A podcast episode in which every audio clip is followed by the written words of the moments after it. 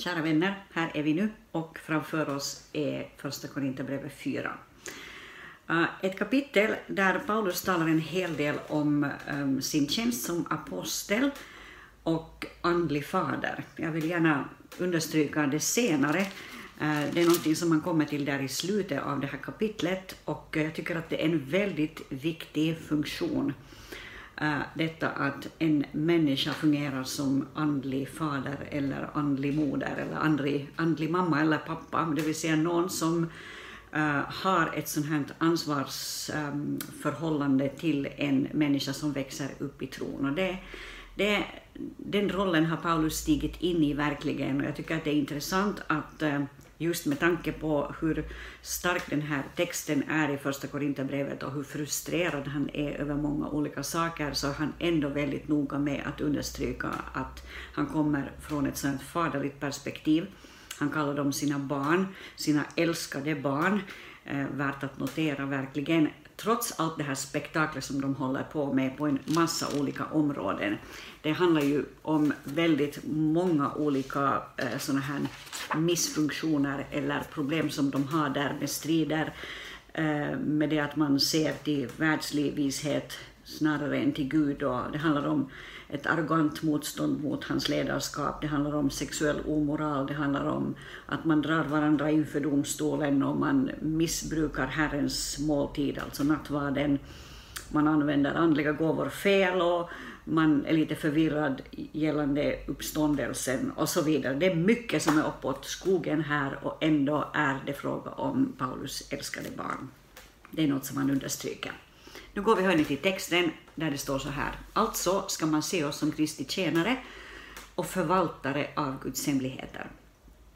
Av en förvaltare krävs att han visar sig pålitlig. Men mig gör det inget om ni eller någon mänsklig domstol dömer mig. Nej, jag dömer inte ens mig själv. Jag har inget på mitt samvete, men det betyder inte att jag är frikänd. Det är Herren som dömer mig. Fäll därför ingen dom i förtid innan Herren kommer. Han ska kasta ljus över det som är dolt i mörkret och avslöja alla hjärtans avsikter och då ska var och en få sitt beröm av Gud. Bröder, detta har jag för er skull tillämpat på mig och Apollos för att ni ska lära er den regeln när det gäller oss att inte gå utöver vad skriften säger och inte skryta över den ene på den andres bekostnad. Vem ger dig en särställning? Vad är det som du inte har fått? Eller förlåt, vad har du som du inte har fått? Och om du har fått det, varför skryter du då som om du inte hade fått det? Ni är redan mätta, ni är redan rika, ni har blivit kungar och det utan oss. Jag skulle önska att ni verkligen hade blivit kungar så att vi kunde regera tillsammans med er. Det verkar som om Gud har ställt oss apostlar sist, som dödsdömda. Vi har blivit ett skådespel för världen för både änglar och människor. Vi är dårar för Kristus, ni är kloka i Kristus. Vi är svaga, ni är starka. Ni är aktade, vi är föraktade. Ännu i denna stund är vi hungriga och törstiga, vi är nakna, misshandlade och hemlösa. Vi sliter och arbetar med våra händer. När vi blir hånade välsignar vi, när vi blir förföljda härdar vi ut, när folk talar illa om oss talar vi väl om dem. Vi har blivit som världens skräp, som mänsklighetens avskrap, och så är det än idag. Jag skriver inte det här för att få er att skämmas, utan för att förmana er som mina älskade barn. För även om ni skulle ha tiotusentals uppfostrare i Kristus så har ni ändå inte många fäder. Det var jag som i Kristus Jesus födde er till liv genom evangeliet. Därför ber jag, bli mina efterföljare. Just därför har jag sänt er till Motus, mitt älskade och trofasta barn i Herren. Han ska påminna er om mina vägar i Kristus Jesus, det jag lär ut i alla församlingar överallt. Några har blivit självsäkra för de tror att jag inte ska komma till er. Men jag kommer snart till er om Herren vill och då får jag veta hur det är, inte med orden utan med kraften hos dem som är så uppblåsta. Guds rike består inte i ord utan i kraft. Vad vill ni? Ska jag komma till er med riset eller med kärlek och en mild ande? All right, hörni. Då går vi till början och startar där i vers 1. Han kallar sig för Kristi tjänare. Han säger att alltså ska man se oss som Kristi tjänare och förvaltare av Guds hemligheter. På engelska står det stewards of the mystery of God. En steward eller en förvaltare är en organisatör som sköter ett visst event eller en person som har blivit anförtrodd någonting som har stort värde.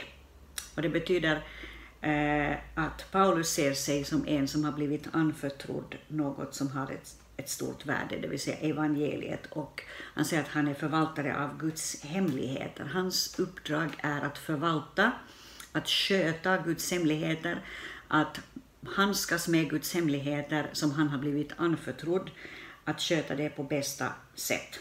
Av en förvaltare krävs att han visar sig pålitlig, just därför att förvaltare kommer att bli checked up, de kommer att kollas hur de har skött sitt jobb. Han vill bli found faithful, står det på engelska, han vill bli funnen trofast, eller funnen pålitlig.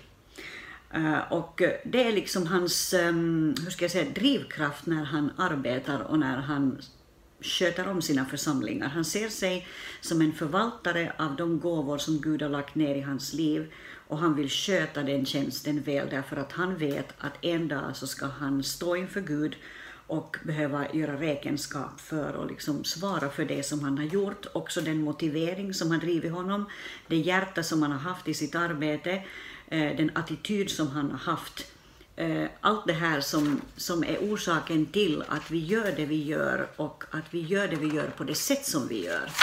Och det här kanske nog är en hälsning också till oss att fundera lite på igen, våra hjärtan och vår drivkraft, vår inre drivkraft, eh, att verkligen se över det här. Vad är det som driver mig i tjänsten? Har jag en attityd av att jag är en förvaltare av sånt som Gud har gett mig och sånt som jag verkligen kommer att behöva stå till svars för en dag. Sen tar Paulus upp det här som jag tycker att är ett intressant, eh, ett intressant tema, det här med att ingen egentligen kan bedöma honom. Eh, han säger att eh, mig gör det inget, alltså vers 3, om ni eller någon mänsklig domstol dömer mig jag dömer inte ens mig själv, jag har inget på mitt samvete, men det betyder inte att jag är frikänd. Så han säger inte att han är helt säker på att hans samvete alltid säger det rätta. Det är inte hans poäng. Men han säger att han dömer inte ens sig själv, utan han är liksom motiverad av detta, att Gud kommer att döma honom en dag. Och han säger att, eh, att de inte heller ska fälla någon dom över honom i förtid, vers 5. Fäll därför ingen dom i förtid, Eh, innan Herren kommer. Han ska kasta ljus över det som är dolt i mörkret och avslöja alla hjärtans avsikter, alltså alla, alla de krafter som driver oss och som driver Paulus, och då ska var och en få sitt beröm igen av Gud. Eh, så han bryr sig inte om att bli bedömd av dem i Korint, han dömer inte ens sig själv, och det här är kanske nog en väldigt bra fingervisning om att vi ska fundera lite på det här, vad är det som gör att vi har så stort behov av att bedöma andras tjänst och bedöma andras arbete. Eh, vi dömer också lätt oss själva och bedömer oss själva, vilket kan i många fall leda till att vi aldrig vågar stiga ut i någonting, därför att vi har en så hård dom eh, redan så här i förtid uttalad över våra liv. Alltså vi uttalar själva en hård dom över oss. Eh, men vem är kapabel, kompetent att bedöma sin egen tjänst egentligen? Alltså jag kan ha en bild av min egen tjänst, men bara Gud har den absolut rätta bedömningen av min tjänst.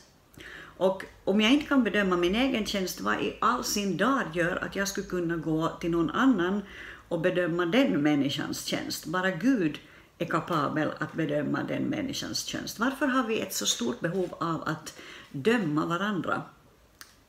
Jag tycker det är en superviktig tanke.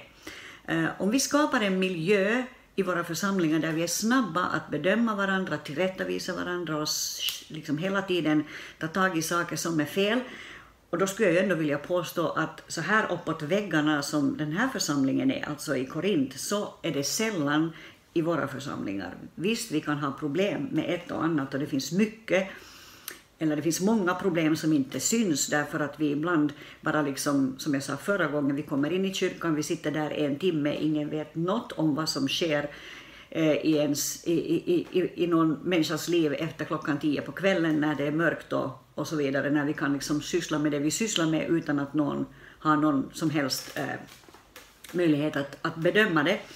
Men anyway, alltså eh, jag tror att, att vår situation i många fall inte är så illa som den här församlingens är, eller så är det, vad vet jag. Men, men anyway, uh, det finns liksom ändå den här klara signalen här att det är Herren som bedömer oss och vi har inte kompetensen alla gånger att bedöma varandra.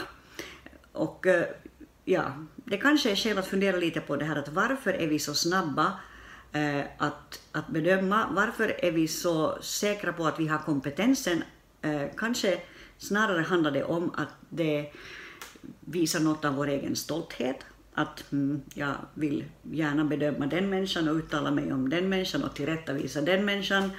Uh, när jag istället skulle kunna sätta all min energi och all min kraft på att bedöma mig själv, vilket Paulus inte ens gör här, och nu ska jag ta tillbaka det direkt. Sätta all min kompetens på att leva rent inför Herren, sätta all min kompetens och min kraft på att söka Guds hjärta eh, och att bli eh, tränad och liksom upprest av honom i min tjänst. I Matteus 7 så säger Jesus så här om det här med att döma. Och jag ska ta med det här därför att det stärker perspektivet lite här. Han säger så här, döm inte så blir ni inte dömda. Med den dom ni dömer med ska ni dömas, och med det mått ni mäter med ska det mätas uppåt er. Varför ser du flisan i din broders öga men märker inte bjälken i ditt eget öga? Och hur kan du säga till din broder, låt mig ta bort flisan ur ditt öga när du har en bjälke i ditt eget öga? Hycklare! Ta först bort bjälken ur ditt eget öga så ser du klart nog för att ta bort flisen ur din broders öga. Det är lite tufft det här sista som står här. Hycklare, ta, for, ta först bort bjälken ur ditt eget öga, så ser du klart nog för att ta bort flisan ur din broders öga. Ja, så Paulus säger här, om jag går tillbaka till första Korinthierbrevet 4, att det är Herren som dömer honom. Ingen annan ska fälla någon dom i förtid innan Herren kommer. Han kommer att kasta ljus över livet. Och så vidare så fortsätter han med att på något sätt beskriva den här apostlatjänsten eh, som kanske församlingen i Korint har en helt annan bild av än vad den är i verkligheten. Han säger så här att, eh, att de inte ska gå utöver vad skriften säger när det gäller, eh, när det gäller liksom bedömningen av andra människor. Han säger eh, skryt inte över den ene på den andres bekostnad. Vad ger dig, eller vem ger dig en särställning? Vad har du som du inte har fått? Grundprincipen är att allt som är lagt ner i Paulus liv, allt de ser som kanske är beundransvärt, allt det i apostlatjänsten som de är fascinerade över, eller inte är fascinerade över, eh, allt det där är sånt som Gud har lagt ner. Eh, vad har du som du inte har fått, säger Paulus. Alla de gåvor som finns i ditt liv är bara gåvor från Gud. Inte någonting som du har producerat själv, eller slipat själv, eller tränat fram själv. Om du har fått det, varför skryter du då som om du inte hade fått det? Så grundprincipen är att det är Gud som har lagt ner någonting i livet och vi är förvaltare av det som han har lagt ner. Eh, och så beskriver han sen den här apostlatjänsten eh, och den är inte alls någon sån här tjänst där man står på scenen och ser fascinerande ut. Han säger så här, det verkar som om Gud har ställt oss apostlar sist som dödsdömda. Vi har blivit ett skådespel för världen, för både änglar och människor. Vi är dårar för Kristus. Ni är kloka för Kristus. Och han beskriver liksom den här skillnaden mellan hur de uppfattar sig i Korint och hur de vill uppfatta sig i Korint. Uh, och uh, vill se sig som aktade, uh, medan Paulus och apostlarna ser sig som föraktade. och, och så vidare. Så han, han liksom försöker visa på att det är liksom ingen sån här upphöjd situation att vara apostel. Det är en tuff situation. Han säger att han har blivit som världens skräp, som mänsklighetens avskrap, och så är det än idag. Och han säger inte det här för att få dem att skämmas, utan för att förmana dem. Alltså att de ska få en rätt bild av vad det är, att de inte ska lyfta varken Paulus eller Apollos eller någon annan upp till skyarna, utan att han ska försöka eller att, att de ska försöka ha en så sann bild av läget som möjligt. Uh, och så kommer han uh, till det här temat att han ser sig som deras andliga far. Han säger att även om ni skulle ha tiotusentals uppfostrare i Kristus så har ni ändå inte många fäder. Det här är nog en jätteviktig fingervisning, speciellt till alla andliga ledare, att eh, det är en stor skillnad på att vara en uppfostrare i Kristus och att vara en andlig förälder. Och han säger att det kan finnas tiotusentals uppfostrare i deras liv, här i Korint alltså, men de har inte många fäder. Och han säger att han var den som i Kristus Jesus födde dem till liv genom evangeliet. Han har liksom ett faders hjärta för dem. Han ser sig inte som en uppfostrare som bara har en sån här kylig, kylig relation till dem, utan han ser sig som en andlig fader. I Filipperbrevet 2 beskriver han det här också på ett lite annat sätt. Då gäller det Timoteus, som han också ser sig som en andlig fader för, det står så här i vers 19 och framåt i Filipperbrevet 2, jag hoppas nu i Herren Jesus att snart kunna sända Timoteus till er, så att även jag blir vid gott mod när jag får veta hur ni har det. Jag har ingen som han. Eh, ingen som så uppriktigt kommer att bry sig om er. Alla söker de sitt, inte Jesu Kristi sak. Men ni vet hur äkta han är. Som en son vid sin fars sida har han arbetat tillsammans med mig för evangeliet. Honom hoppas jag alltså kunna sända så snart jag fått se hur det går för mig. Så han säger att han har ingen som Timoteus, detta andliga barn som han har, eh, ingen som bryr sig så om honom och, och så vidare. Men det här begreppet alltså att ha ett andligt barn och att ha andliga barn, i Hebreerbrevet 2 eh, så beskrivs också detta med andliga barn, eller där används också samma uttryck. Jag ska läsa det snabbt. Eh, där står det så här i vers 13. Han säger också, jag ska förtrösta på honom och dessutom, se här är jag och barnen som Gud har gett mig. Eh, och eh, Paulus är alltså ute efter att visa på det här att han ser korinterna, oavsett hur, hur upp och ner de än är teologiskt, så ser han dem som sina andliga barn som han vill uppfostra i Kristus och resa upp som, som mogna, fullmogna barn eh, eller vuxna som har vuxit upp från sin, sina barnsligheter, vuxit upp till att bli till att själva bli fäder och mödrar i tron, vilket ju är målsättningen. Han säger därför ber jag er bli mina efterföljare. Eh, och eh, sen här i slutet så säger han så här att han kommer snart till dem om Herren vill och då får han veta hur det är med de här som kritiserar honom inte med orden, observera, inte med orden i vad de säger alltså, utan med kraften hos dem. Och det här är nog en ack så viktig fingervisning, därför att kristen tro handlar inte primärt om ord, utan om kraft. Det handlar om att leda människor in i erfarenheten av vad det innebär att komma till tro. Min tjänst som pastor, eh, så här ur Guds perspektiv, kommer inte att bedömas utifrån hur duktig jag har varit rent så här intellektuellt, utan har jag fått föda fram andliga barn? Har de rests upp på samma sätt som Paulus här beskriver att andliga barn ska resas upp? Har de mognat? Har de, har de kunnat släppa omogna attityder i sina liv? Har de blivit till fullvuxna efterföljare av Jesus Kristus? Och Paulus säger här att han är ute efter att se hur det är, inte med orden hos de här som kritiserar honom. Eh, idag finns det många som är bra på att kritisera eh, vad gäller ord, men där det inte finns så väldigt mycket kraft och, eh, och frukt att hänvisa till. Guds rike består inte i ord, säger Paulus, utan i kraft. Och han säger, vad vill ni? Ska jag komma till er med riset eller med kärlek och en mild ande?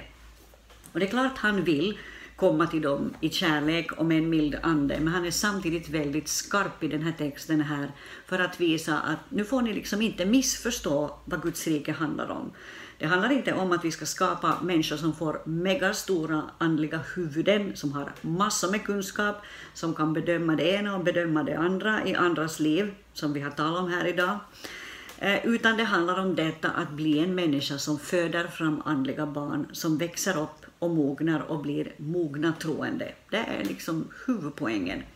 Så om du vill ha en vision för ditt liv, så ta det som en vision för ditt liv. Din kallelse är att hjälpa människor runt omkring dig att mogna i tron och bli fullvuxna i tron så att de i sin tur kan göra det som alla föräldrar gör. Föder fram egna barn eller adopterar barn, hur man nu då gör det, men i alla fall eh, reser upp andliga barn som växer upp och blir mogna, som kan ta hand om sina liv och ta hand om en ny generation. That's the purpose. Var välsignad.